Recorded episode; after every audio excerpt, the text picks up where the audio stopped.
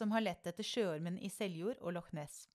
Noen fabeldyr har sannsynligvis vært varianter av levende dyr, mens andre er rent fiksjon. Men hvordan skille fakta fra fantasi? Med oss har vi en ekspert på dyr som også har skrevet en bok om fabeldyr. Zoolog Torfinn Ørmen, førstelektor ved Oslo OsloMet. Velkommen. Takk. Og det første spørsmålet er jo ganske innlysende, vil jeg si. Har du noe favorittfabeldyr? Ja, altså jeg er vel egentlig for, for programforplikta til å ha drager. For det er det, det fabeldyr jeg skrev bok om. Så jeg er vel egentlig fanga der.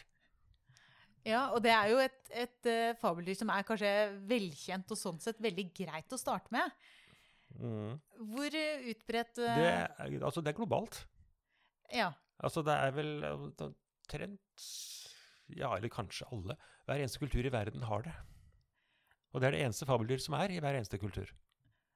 Og det er jo litt unikt, tenker jeg. Det er unikt, og det er veldig, veldig gammelt. Hva tror du er grunnen til at det er, er sånn? Ja, det er Grunnen til det er at dette sannsynligvis er en felles arv. Dette er noe vi faktisk hadde med oss da vi forlot Afrika.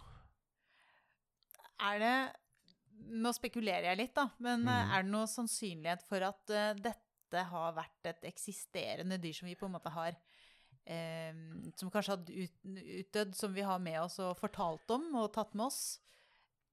Ja Både ja og nei. Og, altså, Jung var jo innom dette her.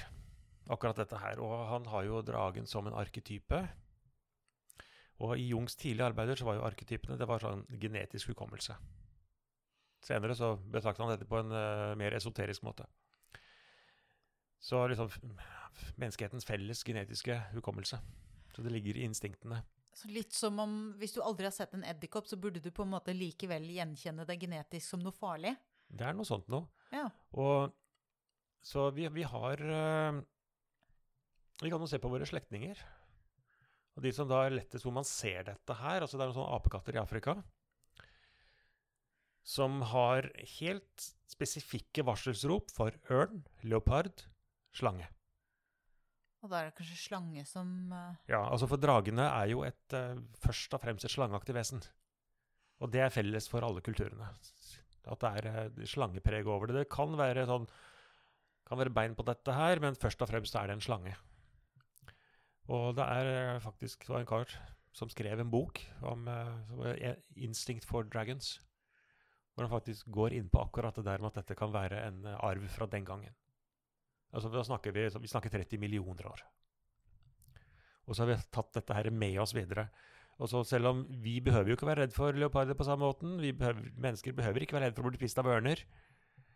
Og store slanger er stort sett også veldig greit. Men eh, hvis bildet fortsatt er der, sånn dypt inne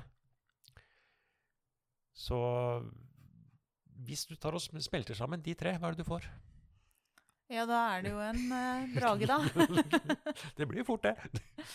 Så tenker du at eh, dragen blir en slags sånn arketyp på de tre verste tingene, eller? Noe sånt.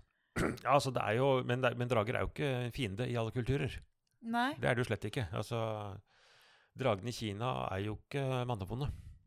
De er ikke det et lykkedyr, egentlig? Jo, det er et lykkedyr. Men altså, kineserne sier jo De har jo et ganske pragmatisk eh, forhold til sin egen overtro. Altså, ok, det er eh, Det betyr ulykke å eie et drageegg når det klekker. ja, det er fordi det blir stor veldig fort. Og de sier jo at de store elvene i Kina, Changjiang, som vi kjenner bedre som Yangtze-Kiang, og Hanghe, den gule flod, Heilongjiang og Shujiang, at de egentlig er drager. Er det, det er et, fasongen på elven, eller de hva? Ligger sånn, og de ligger ikke stille. Oh, ja. Spesielt Den gule flod. Den ligger ikke stille. Det er et monster av en elv. Altså, Sammenlignet med Europa så er det på størrelse med Donau. Altså, den... Uh, og den flyter utover disse her store slettene her sånn, og den driver jo av og til og slynger på seg. Det er jo bygd opp diker rundt. Og når den bryter gjennom dikene, så er det jo millioner av bønder som blir kalt ut for å spa opp og tette igjen dette hølet. Og det lager jo enorme skader. Altså egentlig, Det er jo et eventyr bak dette her, som uh, sier at, er, at disse dragene skapte seg om til uh, elver for å, at menneskene skulle få vann. Fordi uh, jadekeiseren i himmelen han slumsa med å sørge for regn. Så, og de ga regn, men det, han, uten at han hadde gitt ordre til det. Og så, som straff så låste han dem inne under et fjell, men de forma seg om til elver og rant ut. Nettopp. Og det er jo en slags lykke i det, da. Det er en lykke i det. Men samtidig så forblir de liksom de ville, litt ustyrlige. Ville, ustyrlige, men eh, i utgangspunktet er de gode. Men krasjer ikke det veldig med den middelalderfortellingen vi har om drager som må drepe seg Ja, riddere? Men og- da ja. har jo altså dragen tatt symbol for Satan. Ja. Så for det kommer inn masse kristendom i dette her. Og våre drager, vest, de vestlige dragene, altså selve ordet er jo gresk. Og er, det er veldig Hvis vi ser på de gamle greske bøkene, altså vi måtte til, til Aristoteles osv., så, videre, så så det, De bruker det navnet om to forskjellige dyr. For det ene er Det står det, okay, da, da skriver han, og det fortsatte videre Romeren Plinius plukka opp dette her mer enn 300 år etterpå. Med at uh, når drag, altså våren, og så spiser dragene frukt, og det tåler egentlig ikke, så de har vondt i magen, og så bruker de da saften fra vill, sal, vill bitter salat for å kurere seg. Og jeg sa what? Hva er det du skriver? Og Plinius tok det samme.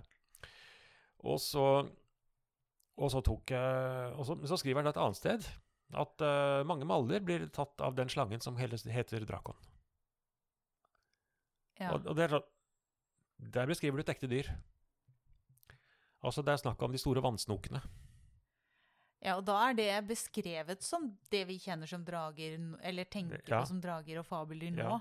Og de gamle greske dragene er jo, eh, er jo slanger. De har ikke bein.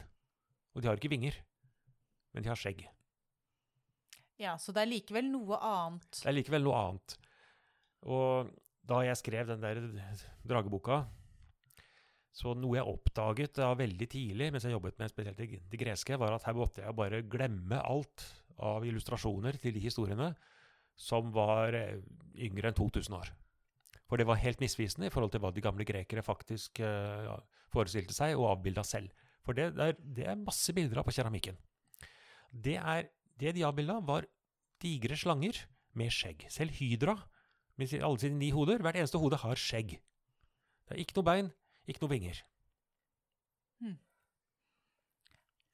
Så men det er, eh, Og Plinius bruker jo som argument når han skriver om dette her altså dette, Plinius han, den eldre, Plinius den eldre, han eh, døde i utbruddet som tok Pompeii.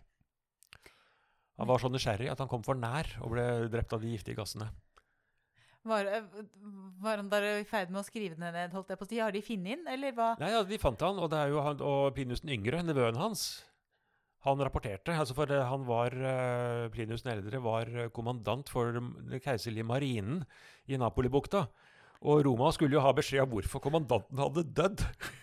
Så, det, så, så han skrev det jo ned, og dermed har vi også en veldig god vitnebeskrivelse av det utbruddet, med dat, nøyaktig datering av tidspunkt og alt mulig. Så altså, det er jo den første, litteraturens første beskrivelse av en atomsopp, da, egentlig. Det er som et Ja. pinjetre. Det er slik han beskrev det. Og det er, det er veldig korrekt beskrevet. For hvordan pinnetrærne ser ut akkurat i det området. Nettopp.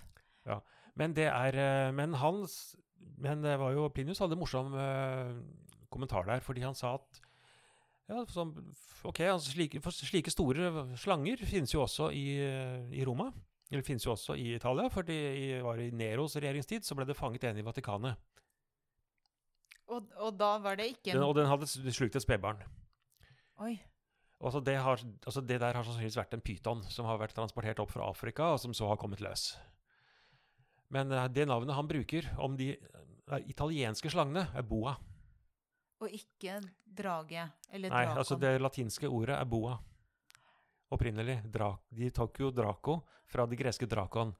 Men og, Og så oversatte de rett og slett slange til ja, altså, og vår boa, det er sånn, det er en stor vannlevende slange. I dag bruker vi jo det om kvelerslangene i Sør-Amerika. Men de har ingenting med den opprinnelige latinske betydningen av ordet å gjøre. Bortsett fra at det er en slange. Altså, det er de store vannsnokene. Det er det det er. Altså, de, de blir tre meter Eh, på veldig er verste fall, og da er de bøse. Altså, da er de aggressive. Da jager de folk vekk fra territoriet sitt og sånt. Det, det er ingen spøk.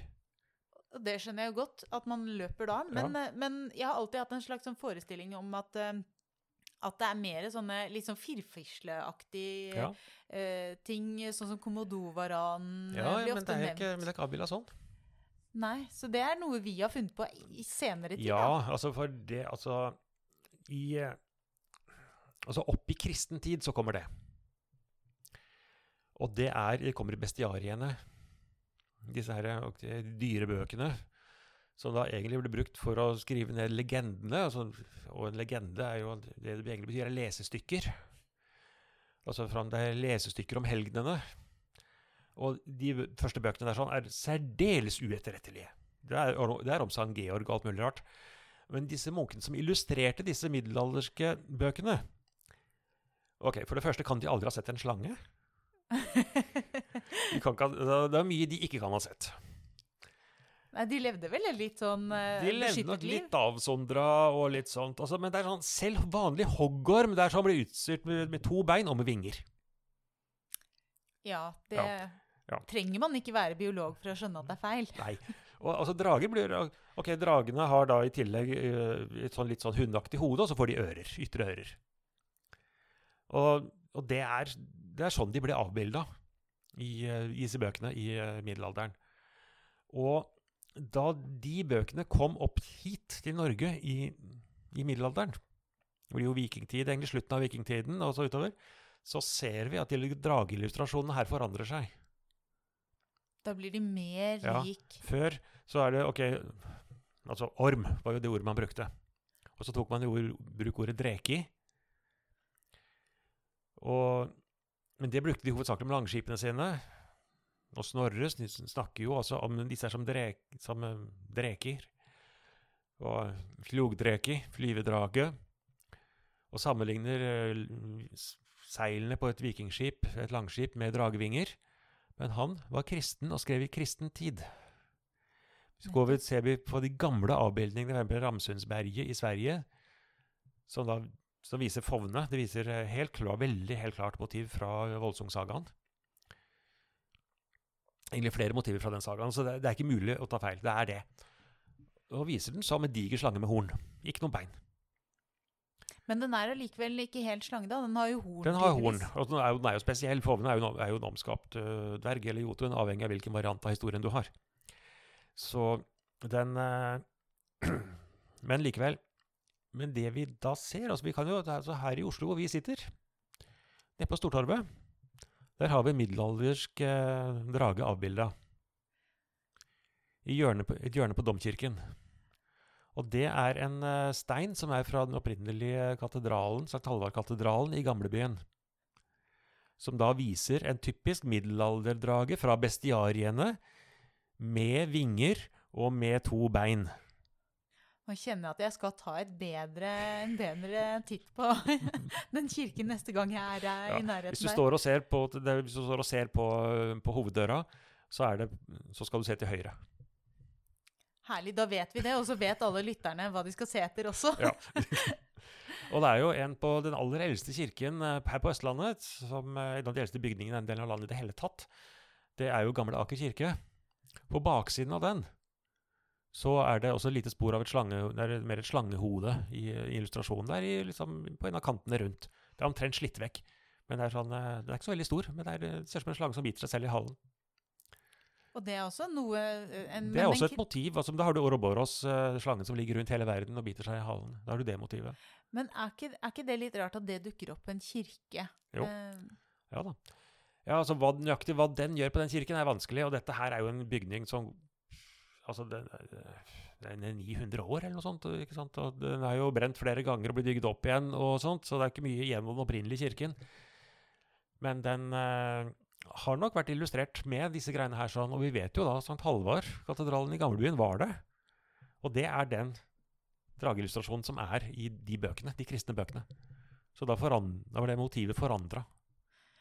Men hvis du ser på dragehodene da, som ble Ja. funnet sammen med Osebergskipet, Mm.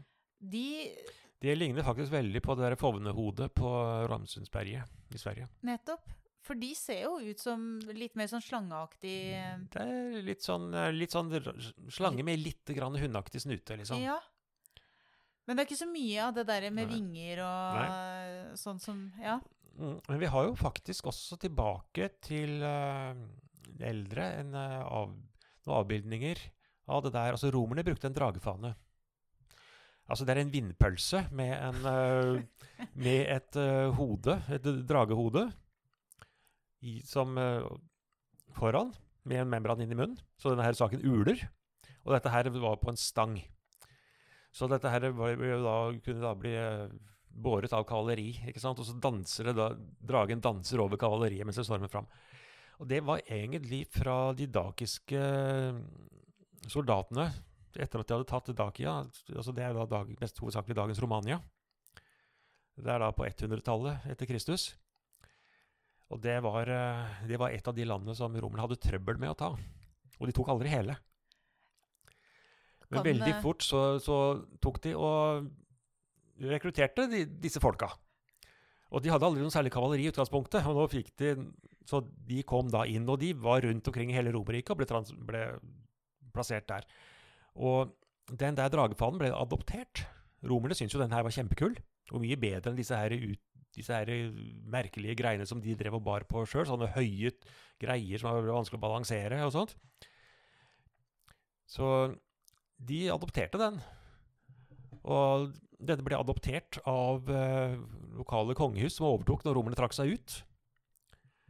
Og vi, det er vel den som er grunnen til at Wales har en eh, drage i flagget sitt i dag. Ja, for du, du sier noe der. Det er jo ikke så helt uvanlig å se drager i ulike våpenskjold. Nei da, det er vanlig som bare det. Og vi ser det på Bayeux-teppet, som da er laget etter eh, Wilhelm Erobrerens eh, inntog i England. Så ser vi, Der ser vi på normannernes skjold så ser vi noen klassiske middelalderdrager med bein og vinger. To bein og vinger, ikke fire bein, bare to bein. Og blant de engelske soldatene det er sånn, så ser vi en kar som holder en dragefane av den romerske typen. Det, og, som da er direkte arva fra Balkan. Og den der Og det ulveaktige hodet som er der, egentlig, det er kanskje det hodet vi ser på stavkirkene. Mm. Men sier du nå at det, det, det der med fire bein, eller to bein, det, Ja. og, og vinger, at det egentlig kommer fra Balkan sånn opprinnelig? Ja, de, de satte ikke noe bein og vinger på den. Det er disse her fulle munkene som satt og tegna disse bøkene. Ja, så det har de funnet på selv? Det har de funnet på selv. Altså, De tok jo selv det den mest dagligdagse hoggorm eller vannsnok og ga dem eh, vinger og bein. For det, jeg tenker, når du ser på moderne TV-serier i dag, da, Mhm. og ser på en drage i Ja. for f.eks. Game of Thrones, Ja. eh, så er, har jo de Altså, det er en veldig sånn enighet om hva en drage ser ut som. Det er eh, to eller fire bein og, og kjempestore Ja. vinger. Og så har man da endt opp med at ok, en, eh, en drage med to bein, det er en wyvern. og det er jo egentlig, Wyvern er egentlig en forvrengning av et ord, fransk ord for hoggorm. Altså, det er det altså hoggormen fra bestiariene. Som liksom er blitt oppgradert til dragestatus. Og så, disse fire beina så videre. det er fordi man nå i moderne filmer prøver å lage fornuftig, biolog, biologisk fornuftige dyr av dette her. Ja, Så det, det, det er det nærmeste man kommer. Det er det nærmeste man kommer. Og altså, For slik disse ser ut i bestiarene i middelalderen, altså det er ikke funksjonelt overhodet. Mm. Og der ser man også ting med flere sett med vinger. Kanskje en triplett av vinger i hvert sett. Jeg skulle gjerne se det dyret prøve å fly. Og vi ser også sånn at de har jo ikke klarer å konstruere beina på dyrene riktig, fordi de eh, plukker opp en, eh, en misforståelse som går tilbake til Aristoteles. For han sa at dyrene har knærne den andre veien. Og det holder de fast ved, selv om de Opp i middelalderen, de holder fast ved det, og det sånn bakbeina på, på disse her dragene ser ut som forbeina. Fordi det, enhver slakter ville jo kunne si at det, her stemmer ikke. Bare Ja, ikke sant? Men, det, men ser du på en høne eller en hest, eller noe sånt, så ser det ut som om kneet peker den andre veien, men det er Mm. hælen du ser. Ja. Det er en av de tingene han tok feil i når han beskrev mennesker. Men han brukte jo det som et argument for at menneskene var skapt i gudenes bilde. Delvis. At beina våre var kopiert fra det gudene fikk. ja. Men det, det, det passer jo veldig godt inn i hans, eh, deres verdensbilde. Da. Ja, det gjorde jo det. Altså, hans, de så jo for seg at menneskene var laget av, av gudene på Olympos. Så Men det er jo altså det er veldig fascinerende eh, det du sier her nå. Altså, er det flere fabeldyr som har oppstått i det at ø, kristne munker har sittet og tegna noe som kanskje var vanlige dyr? Det dukker opp en del rare ting i disse her. Altså, vi har jo, altså Basilisken er jo en morsom en. Ja, den er kjent fra Harry Potter. Harry. Potter. Og den som slik den er avbildet der sånn Ok, det eneste som stemmer med mytologiske forklaringene der sånn, er at du blir til stein. At du, ved, se, ved, at den, ved at du ser på den. Eller den ser på deg. Ja, det er, det er det som er igjen. Det er det som er igjen. For den skal ikke være så stor. Den skal ikke være stor i det hele tatt. Altså basilisk betyr liten keiser. Ja, Og den skal være klekket fra et uh, egg lagt av en hane, men ruget ut av en padde. Og den skal, ha, den skal egentlig være en slange, men med krone på hodet. Ja, det er mye som ikke helt stemmer. Det er mye som ikke stemmer. og det skal være en ganske pen slange. Slik den ble avbilda av senmiddelalderen. Men hvordan har den og myten Ja, si egentlig det. oppstått? Nei, altså? si det. Altså, av og til så produserer haner noe som ser ut som et egg. Ja, Sånn rent ekte, faktisk biologisk. De biologisk faktisk gjør det, men det kan jo aldri klekke, og det er ikke noe egg. Altså, det, de har jo ikke egg. Nei. Men de, de kan lage skallet. Så er det sånn veldig, veldig merkelig greie. Men eh, jeg vet ikke hva i anatomien som da faktisk hikker for å få til dette her. Men, men det, det kan skje. Og så har noen da tatt, her, eh, tatt den ballen og løpt med den, for å si det sånn. Altså det er, og så har man jo da tok, tatt en Det har vært en masse sånne religiøse greier om eh, hva du skal symbolisere, og hvordan eh, man skal forholde seg til dette her. Og, så har vi da karer som eh, engelskmann Edward Topsell, som skrev en aldeles vidunderlig bok, han, og han skrev den jo på engelsk, så folk kunne jo forstå det. I motsetning til eh, Konrad Gessner, som, som, som skrev den boka han kopierte, som skrev på latin eller tysk. Det har kommet på begge språk. Og der hvor det da står en masse ting om hvor fantastisk og nydelig dragene er, som har trerader med tenner i munnen og så, det er, mm, det er Hva skrev du? det var liksom Men det er eh, Men han, han skriver jo også det at dragene vokter skatter. Ja, Så det er han som har funnet på det? Nei. Nei. Det er eldre. Det går tilbake til Beowulf Kvavende. Det er det eldste jeg vet om hvor det er nevnt.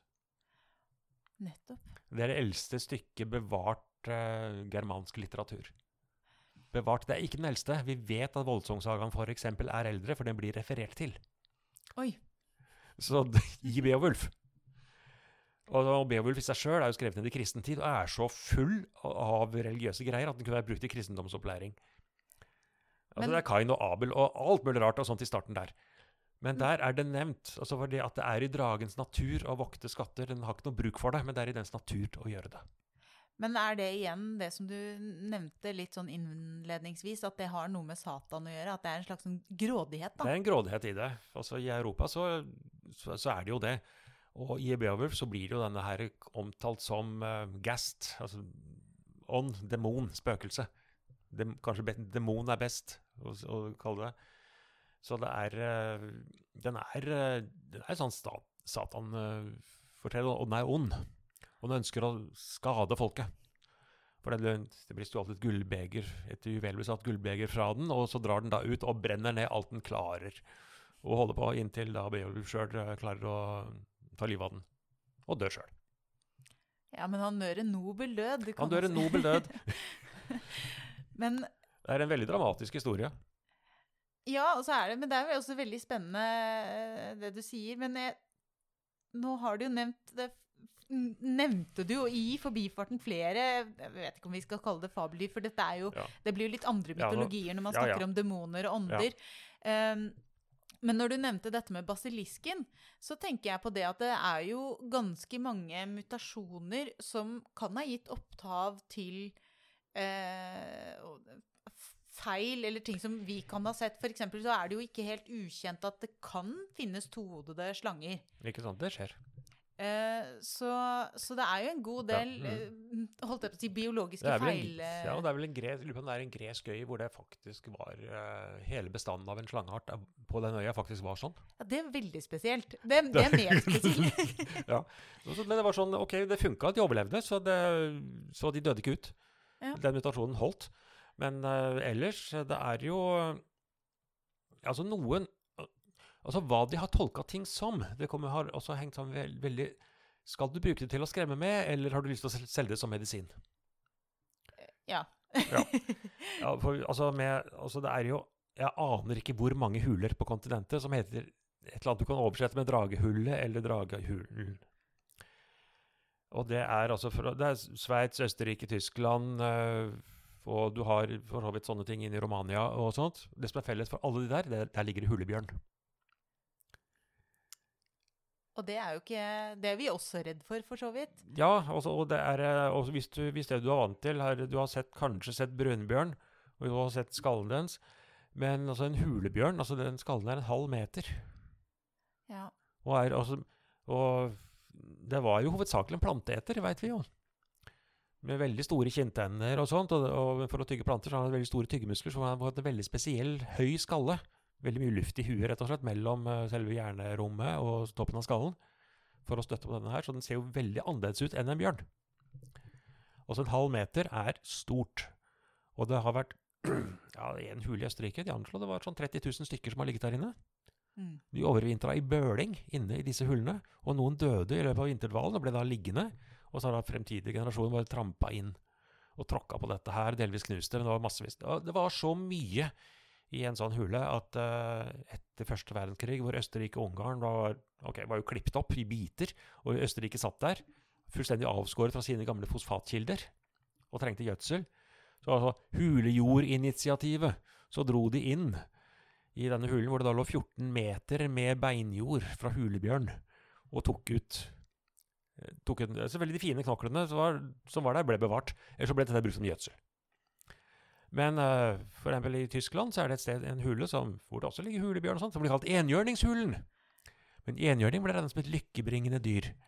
Så, alle, så kunne, du lage, de kunne lage medisin av De trodde at enhjørninghorn det, kunne jo forhindre en gift og sånt i å virke. Så det Så da, da kaller du det ikke drage. Da, da kaller du det enhjørning. Ikke sant? For Ja. det er mer lykke. Jeg tenker Mye lykke. Altså, noen, noen hadde, hadde business-sansen i orden. Det er sånn. Markedsføringssansen i orden. Men hvis det så ut som et sånt uh, dragehode For jeg, nå ser jeg på meg dette Mm. hulebjørnhodeskallen, og jeg har ingen problemer med for, å, å forstå at, det, at dette ble tolket som at det her er en død drage. Mm. Det, den skjønner jeg. Em, men at du skal få det til å bli en enhjørning, da tenker jeg at du må male det ganske fint først. eh, Da skal du altså, da skal du være ganske kreativ. Ja. Du får ikke altså De finner jo neshorn og sånt også, disse hulene og sånt. For det er hyener og sånt som levde i Europa den gangen, har jo slept dem inn. Ja, Det er Og- kanskje mer sannsynlig Ja, og da får Men da du, Kanskje, men eh, et neshornkranium er, altså, Det har også blitt tolket som drage. Ja. Altså I Klagenfurt i Østerrike så står det jo en, eh, det som vel kanskje er den første paleontologiske rekonstruksjonen. Bas, altså Det er basert på skallen til et ullhåret neshorn. Og det er 70 cm lang. Det, det er helt Det er, enormt. ja, men det er ikke noe horn på den, for det er, det er, det er bare sånn der horn og hårstoff, så det har råtna vekk. Men det er helt enormt. Og det ser fullstendig absurd ut. Hvis du ikke aldri har sett det, du, skjønner jo ikke hva det er for noe. Nei, og det er jo ikke så rart at øh, mennesker i middelalderen og tidligere Mm. tider de fant et sånt skjelett, og så var det noe som de ikke hadde sett, fordi at det Ja. er et forhistorisk et eller annet. ikke sant? Så- Eh, Og, og de jo, hadde allerede en lokal historie om en eh, drage. da er det naturlig. da gjør de det. Selve navnet, navnet Klagenfurt, altså det, er, jo Klagens vadested. Det er på grunn av at en drage kontrollerte elva og drepte folk som prøvde å krysse. Og til slutt var det noen som fikk kverka den. Og så fant, de senere, fant jo da folk seinere i et grustak den herre skallen. Så, ja. Men det er jo Det er jo helt morsomt. Men sånn som enhjørninger, da. for Marco Polo rapporterte jo at han hadde sett enhjørning. Ja, så det, Og det er jo litt rart, Ja, Han var veldig skuffet. Nettopp. Hva var det han eh, Jo, altså du vet, man vet jo, har jo sett det her altså, Vi har jo egentlig avbila i Europa to forskjellige enhjørninger. Det er liksom det som er basisenhjørningen, som er sånt der partått klauvdyr med sånn sauaktige eh, klover. Og så horn i panna, og dyret ser ut som en litt sånn der slank, langhalset eh, sau. Mer eller mindre med horn. Og så har vi den heraldiske enhjørningen, som er en hest med horn i panna. Han forestilte seg jo å være slankt, elegant, hvitt dyr. Og så så han jo et sånt der grått, klumpete sak, videre, men han hadde jo ett horn foran. Det var veldig klart hva han så. Det var neshorn. De asiatiske neshornene. Så, Ja. så, han, så han lurte jo fælt på åssen står det egentlig til med verden når enhjørningene ser slik ut. Men det var helt morsomt det der med enhjørning. For altså, all, veldig mange folk i verden visste jo om enhjørninger, og det, er hornet har helbredende egenskaper og alt sånne ting. Og en av Lin- Linnés studenter Thunberg, som dro kloden rundt på det som har vært verdens mest sparsomme forskningsbudsjett. Ok, han var smålending, han visste hva han gjorde. Og han, da han dro, skulle dra til Japan fra Sør-Afrika sa ok, først jeg må skaffe meg enhjørningshorn. Fordi japanerne han sa ok, her er det marked. Så han finansierte hele Japan-oppholdet sitt med å selge narwhaltenner som enhjørningshorn. Ja, og narhval er jo også på er, en for, veldig det er et sprøtt dyr. Ja. Det er den ene hjørnetanna, det er venstre hjørnetann, som da gror ut gjennom overleppa som en snodd spiral. Og som er hul. Nei, nei, det er, Eller- jo, den er vel for så vidt hul, og det er nerver i den. og sånt. Så den er en sånn merkelig greie. Den brukes til flere forskjellige ting. Nei. Og de bruker brukes til å slåss med. Altså. Det er, det er, og selvfølgelig det landet som holdt skal vi si, den der enhjørningshornhandelen i gang, det var jo Danmark. nettopp. Fordi de kontrollerte Grønland. Hvor de fikk dette her. Og i København så befinner det seg jo en enhjørningstrone. En trone laget av narvaltenner. Det er eh, ganske sånn unikt. Eh, Det er helt, den er- veldig pen. Og den er ikke så kjempesvær og sånn voldsomt prangende, og sånt, men den er jo veldig forseggjort og fin, og så er det jo lekker. Ja, og så Og er beina er narvaltenner. Stykker av narvaltenner. ingenting som er Som på en måte oser eh, så my mye makt, kan du si, da. Og, og Ja. um, en slags sånn opphøyethet fra Ja, resten av uh, folket. Som mm. å sitte på noe sånt. Ja. Eh, det er spennende. Hva tenker du om litt mer sånn nærliggende um, myter, sånn som sjøormen i Seljord? Ja. Da er vi over i skal vi si, noe litt annet enn fabeldyr, egentlig. Altså Det overlapper jo, da, men da vi over i det vi kaller kryptozoologi. Og hva er det? Det er studie av dyr hvis eksistens verken er bekreftet eller avkreftet. Altså dyr som kanskje. Det er mange som har lett etter den, da. Mange som har lett etter den. Altså, jeg har vært der. Jeg har vært på TV sammen med viseordføreren i Seljord og uttalt meg. Jeg har sett eh, originalbild Jeg har fått originalfilene fra noen bilder der sånn, som ble tatt fra et helikopter. Og så vidt jeg kan se, så er det noen som sleper en uh, telefonstolpe un i en line et, un under vann. Altså, er jo, den er der absolutt, men dette er det ser ut som det er en line, og det er en, en helt rett stokk. Men uh, selvfølgelig befolkningen der altså Seljordfolket de bruker jo den der i markedsføring. Selvfølgelig gjør de det. Det er kjempegreie. De har jo utkikkstårn ved, Seljord utover sjøen. Altså, de gjør jo det. Altså, det er jo det er veldig morsomt. Altså, jeg koste meg da jeg var der, men eh, det var surt å sitte på bredden av Seljord sånn eh, etter solas Og det var seint på året og i det hele tatt. Ja. Nei da. Men det var eh, Det var noe fint. Men det er Mange av disse historiene har en sann kjerne. Vel, også Seljord. Og selve Seljord, selve bygda, tettstedet men i nordenden av Seljordsvannet, ligger jo ved osen av den elva der. sånn. Her har det vært sagbruk osv. Og, så og den eh, store oppsvinget i sjøormhistorier i de norske innsjøene er i forbindelse med oppsvinget i eh, sagbruksindustrien. Så det er ikke helt uh, tilfeldig. Det det er tømmerstokker, rett og slett. Ja, nei, er, det er faktisk ikke tømmerstokker. Nei, hva Altså, akkurat det de hadde tatt bilde av der fra helikopteret, var tømmerstokker. Det, det, var, det var stokker, er ingen tvil, i min mening. Men det er altså, det er et par steder vel, hvor de har fått dokumentert skikkelig hva det er. For altså En annen sjø hvor de hadde nøyaktig den samme historien. Og det var sånn når det ble varmt i været, i Surdalsvann Dette er i Ryfylke. Og Suldalsvann er, sånn, er en innsjø på et par mils lengde. Og så har du Suldalslågen, en av de viktige lakseelvene som kommer ned herfra. Og, og laksefiske var viktig, og det er fortsatt viktig. Sånn, sånn, okay, For lakseturisme, rett og slett. Fisketurisme. Og den gangen, på slutten av 1800-tallet, de, De så når det ble varmt i været, så kom det en svart rygg opp. Opp av sjøen. Og det ser ut som et dyr. Og så synker den her ned igjen, og det lukter død og fordervelse. Og i det hele tatt. Og hva er det? Ja, hva er dette her? Og de, de hadde planer, det ble utgift, det ble en eh, skuddpremie på dette her, fordi de var redd for at dette her dyret skulle ta, ta for mye av laksen. Og de drev og holdt på, men så var det noen som til slutt rodde ut og tok på den. De trodde de rodde ut til et stort dyr, så disse folka, dette var mer enn alminnelig modig. Og så så de dette her er vegetabilsk. Det er altså en diger matte med sagflis og bakterier og alger. Så det er bakterien som da gjør den svart. Så da, da det ligger matter av sagflis utpå ut her sånn, og blir varmt i været. Dette her og så videre. Bakterien spiser på det. Metan er et avfallsstoff, og karbondioksid selvfølgelig også, og løfter dette her opp. Og så kommer denne her. Det ser ut som en, rygg, ser ut som en velvetet båt. Og, så har det, og de faktisk tok på den, og så når denne her synker igjen, så slipper den fra seg gassen, og så, så lukter det ille. Og det er Flere sjørøvere har dokumentert akkurat det der. Og det er vel opprinnelig det samme i Seljord. Og da er det ikke så vanskelig Nei, å se for seg at uh, de mytene kommer derfra. Nei. Og det er jo, liksom, det er jo på 1700-tallet hvor disse mytene tar av. Ja, da, På 1700-tallet så har vi mye annet gøy. Ja. Eh, troll for å, og Ja, nisser. ja, ja. ja. Ja, er vi, det, er jo, det er jo noen interessante skapninger. Og, altså, du skal ikke bevege deg mye rundt i en del norske skoger og fjellområder før du begynner å veldig tro på de greiene der. Og da begynner det å bli forferdelig nifst å være der. Ikke sant? Litt mørkt og Ja, ja. eh, litt sånn skumringslys, og du er Ja. aleine langt Og, inni og hva var det for en lyd bak meg nå? og så snur du deg, mens du pga. terrenget, kommer an på hvor du er, da, så kan du kanskje ikke se noe. Og så ser du jo hull under steiner rett ved deg, Mm. ikke sant? Og der, ja da. Og så men er det jo noen eh, Altså De norske historiene om hvem vi deler landet med, de er jo veldig fargerike. For det, det, for det handler jo ikke bare om ett folk.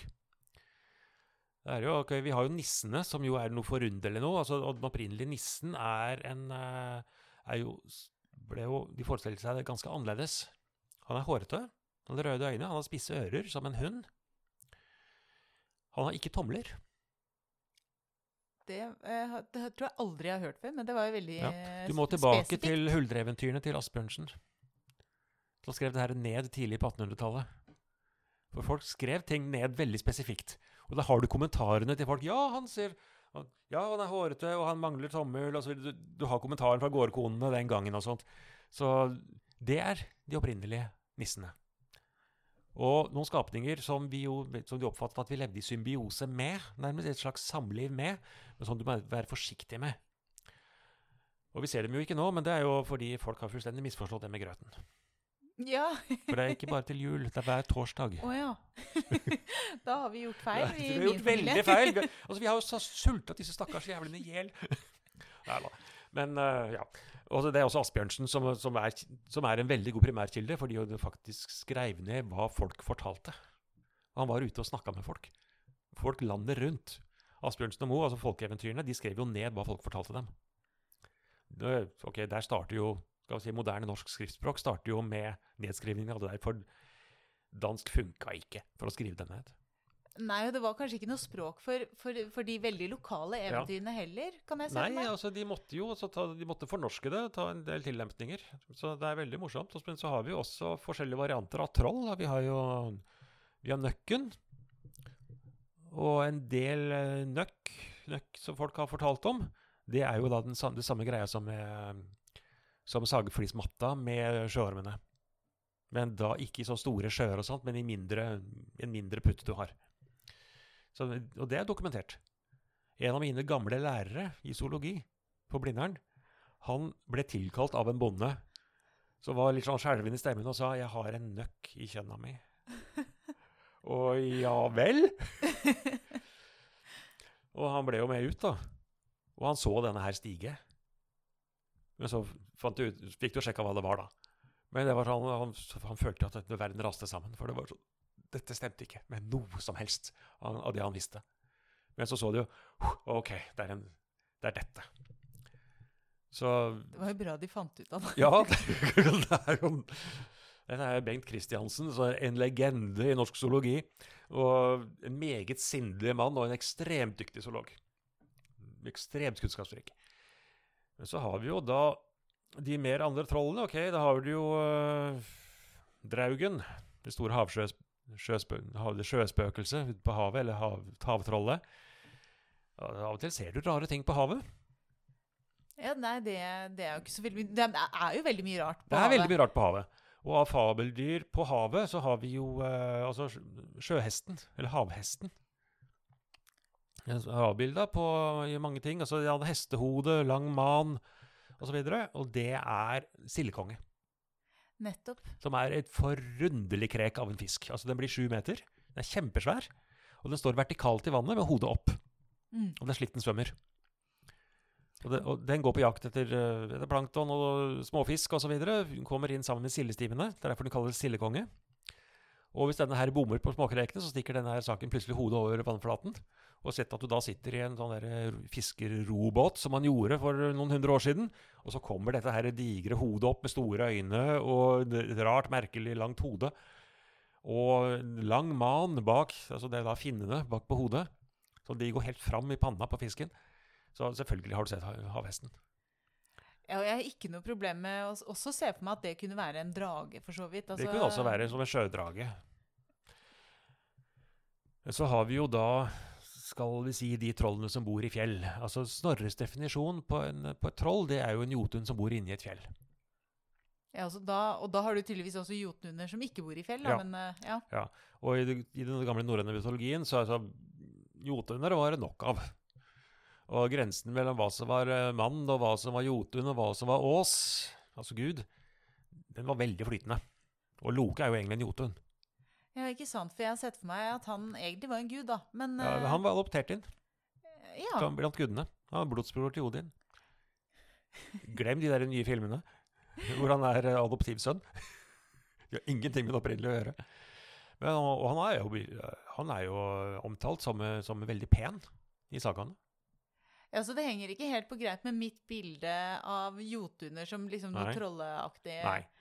Og selvfølgelig i kristen tid her sånn, så har jo da trollene fått et veldig stygt rykte på seg fordi de er ukristne. Ja. Og de lukter kristenmanns blod, og de tåler ikke korset, og de klarer ikke treffe kjerka når de kaster stein etter den. Og det er en masse historier der sånn, og det er sånn steiner rundt omkring som skal være egentlig en trollkjerring som eh, enten Heli Hellig Olav eller Olav Tryggvason sånn, skapte om til en stein. Eller forbannet, og så ble det skapt om til en stein. Så, og det er Men det er så Men vi har jo massevis av dem i historiene om troll. Men hos oss så er det jo Sammenligner du tyske eventyr og norske eventyr? De er ganske like. Men de har en drage, mens vi har et troll. I samme rollen. I folkeeventyrene til Asbjørnsen Moe så tror jeg det er, det er tre eller fire eventyr hvor det faktisk er drager. Og da kunne det like gjerne vært et troll. Så der er det Og de samler skatter, og de, de er fiender av kristendommen, men og sånn, de har fått mye av det samme. Men, det sånn, men hva er det som ligger bak her? Og det er jo en teori her om at dette faktisk er neandertalerne. Mm. At det igjen er litt sånn der det genetiske Det i oss. genetiske i oss. Altså, sapiens i Europa krangla med neandertalene i 10 000 år om landskapet. Vi hadde langt samliv her. Og vi God tid var til å God tid. Og de var sannsynligvis Hva var det vi vet om dem? Lyse i huden, kan vi se ut fra genene deres. Kan ha hatt eh, rødlig hår. Ikke helt som eh, moderne rødt hår, men eh, det må ha vært rødlig. Sapiens har vært mørkhuda. Altså for dette her, Vår inntog i Europa er før vi fikk lyst hud. Før vi ble blonde, før vi fikk blå øyne, før vi fikk lys hud. For det kom, det kom seinere. Det kom etter jordbruket. Det er først da egentlig det skjer. Og selvfølgelig i langt mot nord så har det jo blitt selektert fram lysere hud. Men vi var ikke i nærheten av så lyse som vi er nå. Vi var ganske mørke. Og har de da møttes disse her, så har man jo sett, har, man har sett veldig forskjellig ut. Og neandertalerne var fryktelig sterke. Altså det er jo øh, en, øh, altså Neandertalforskeren Erik Trinkhaus uh, sa at uh, these guys would make Schwarzenegger look like a wimp. Og da snakker vi om refererte til Schwarzenegger i sine velmaktsdager, som jo var relativt uh, velbygd. Men, der, men øh, altså, de var jo gjennomsnittlig lavere enn oss, slik vi er nå, men uh, veide jo gjennomsnittet er anslått 22 kilo mer. Og det var bein og muskel. Og det er jo egentlig helt sinnssykt. Det er helt de var kroppsbyggere av De var eh, kroppsbyggere, og, det, og de ble født med, med store muskler. For vi har Det hendte jo at det døde spedbarn, og de spedbarna ble, ble gravlagt. Og så vi har skjelettene fra spedbarna, og de har enorme muskelfester. Neandertalerne var veldig, hel- heldigvis veldig breie i hofta, så de kunne føde dem. Men det, har, men, altså, det henger sammen med, at, med leveviset deres. Altså, Med den enorme muskelmassen så fikk de et energikrav tilsvarende ulver. To kilo kjøtt om dagen. Det er mye. Eller salat 17 kilo. Altså, du er i Europa under istidene. Du spiser ikke planter. Det går i kjøtt. Og de åt neshorn og urokse og selvfølgelig alt annet de klarte å få tak i. Og tok planter også. Vi ser at de har spist uh, dunkjevlerøtter og sånt. Det, det er en del matplanter å hente i Europa, men du kan ikke overleve bare på det her. Europa under istidene var ikke et sted for det. Det slår meg også at uh, gamle historier om kjemper også egentlig kan Ja. falle litt sammen med dette her. Det kan de gjøre. Så fordi Også de ville vært veldig imponerende. Altså, Neandertalerne var ikke så veldig høye. Men, Men, er, men de tar, tar det igjen i muskelmasse? de har, de har ruva likevel. og selvfølgelig, kommer du i klammeri med en gruppe neandertalere, så er du heldig hvis du kommer fra det i live. Og altså, en moderne mann vil, at, vil uh, ha kjempetrøbbel med en neandertalerkvinne. Ja. Eller barn, kanskje, til og med. Ja, en tenåring. Altså, Ja. altså en, en gjeng eh, litt sånn gærne neandertaler-tenåringer. Altså, hallo. Nei, da holder man seg unna. da holder du deg unna, rett og slett. Altså, men det er veldig godt mulig at, at hele starten på trollhistoriene er neandertalende. Det er en mulighet. Og det er jo også en teori at neandertalene faktisk var nattaktive. Ja, det gir jo enda mer Altså, grobunn for dem. Altså, altså, og dette er jo sånn ape turned carnivore. Altså, det er den mest kjøttetende De har vært den mest kjøttetende primaten noensinne. Og, altså, og hvis de ikke har vært nattaktive, så dette har vært nifst å forholde seg til. ja, jeg blir nest, jeg, jeg, jeg, På en måte kjenner jeg jo litt at det er greit at de ikke fins lenger, når du forteller det på den måten. men, eh, men det er jo selvfølgelig litt trist også, på et vis. Men Det eh, er jo det. Altså, det var jo, de var jo absolutt vår nærmeste slektning, og det, det er ikke lenge siden, nei. faktisk. Altså, sånn I det lange perspektivet. Dette er veldig kort tid siden. Men det er bare oss nå. Nå er det bare sapiens. Jeg, jeg tenker liksom at det er eh, god, god sannsynlighet for at det kan uh, ha overlevd da, sånn historisk gjennom historiefortelling. Eh, men det er fascinerende uh, å høre på. I hvert fall disse historiene som er ikke usannsynlig at disse fabeldyrene har en eller annen form for Mm, forklaring. ja. Men jeg tenker at det finnes jo en del fabeldyr som også bare er rent oppspinn, da.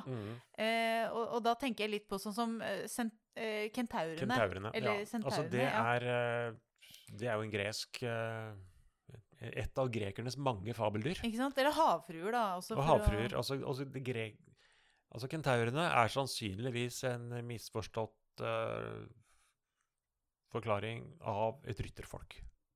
Ja. Fra folk, folk som ikke har, aldri har sett en hest, og så, og så kommer det noen ridende. Du skjønner ikke filla. Du har aldri, du har aldri vært borti fenomenet, begrepet rytter.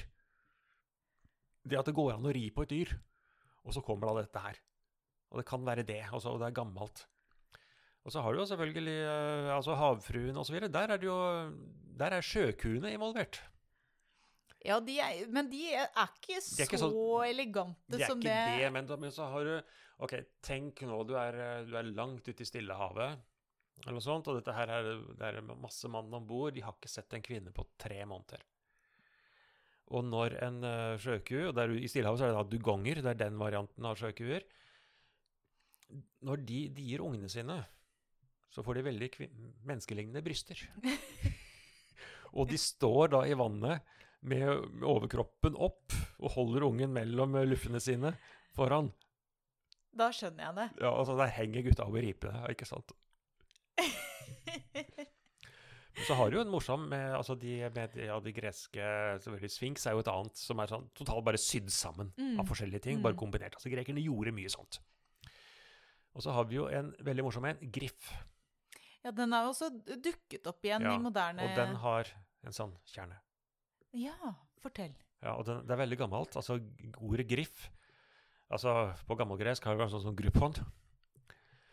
Altså det er det samme som cherub på hebraisk. Kjerub. Det er det samme ordet. Og glem Rafaels kjeruber. De der eh, trinne små englebarna.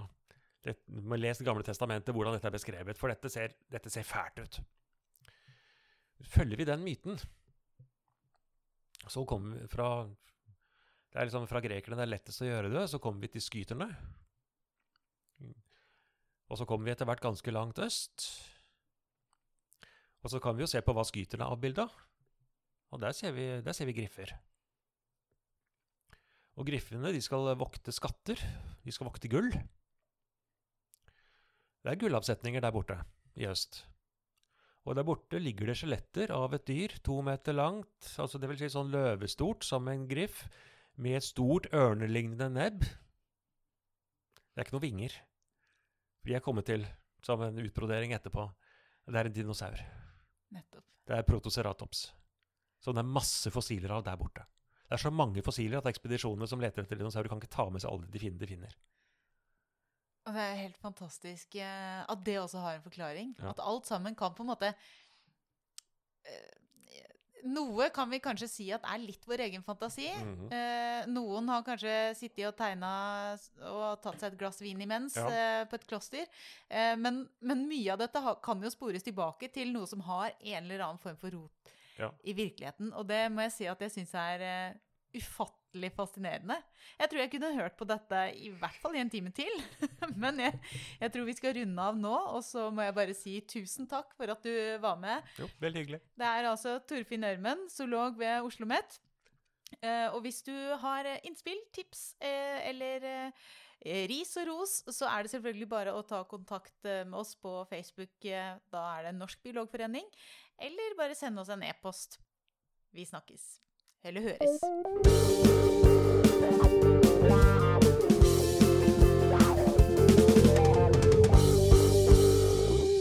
Nå hørt Biopodden intervju med Elina Melteig, og med på laget har jeg også Torborg Galtland, daglig leder i Norsk biologforening. Musikken du hørte er laget av biologibandet Overgump og består av Even Sletteng Garvang, Markus Fjelle, Erik Møller, Mathias Kirkeby og Audun Rugstad. Fortell gjerne om podkasten til venner og kjente, og gi oss tips og tilbakemeldinger på e-posten biopodden at bio.no. Og hvis du vil støtte oss, er du hjertelig velkommen som medlem av Norsk biologforening. Vi høres!